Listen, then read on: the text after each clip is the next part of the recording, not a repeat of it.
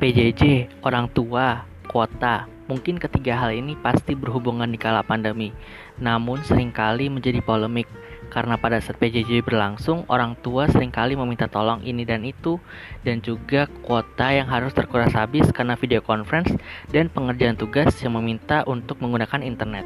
Pada kesempatan ini, saya akan mencoba untuk meringankan beban kalian dengan cara membuat sebuah podcast yang menjadi sarana kalian untuk bisa tetap multitasking dan juga menghemat kuota kalian untuk pembelajaran.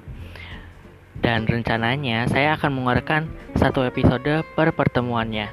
Dan mungkin pada saat pertemuan saya akan meminta teman-teman untuk membuka PowerPoint atau PDF seraya mendengarkan suara saya. Dan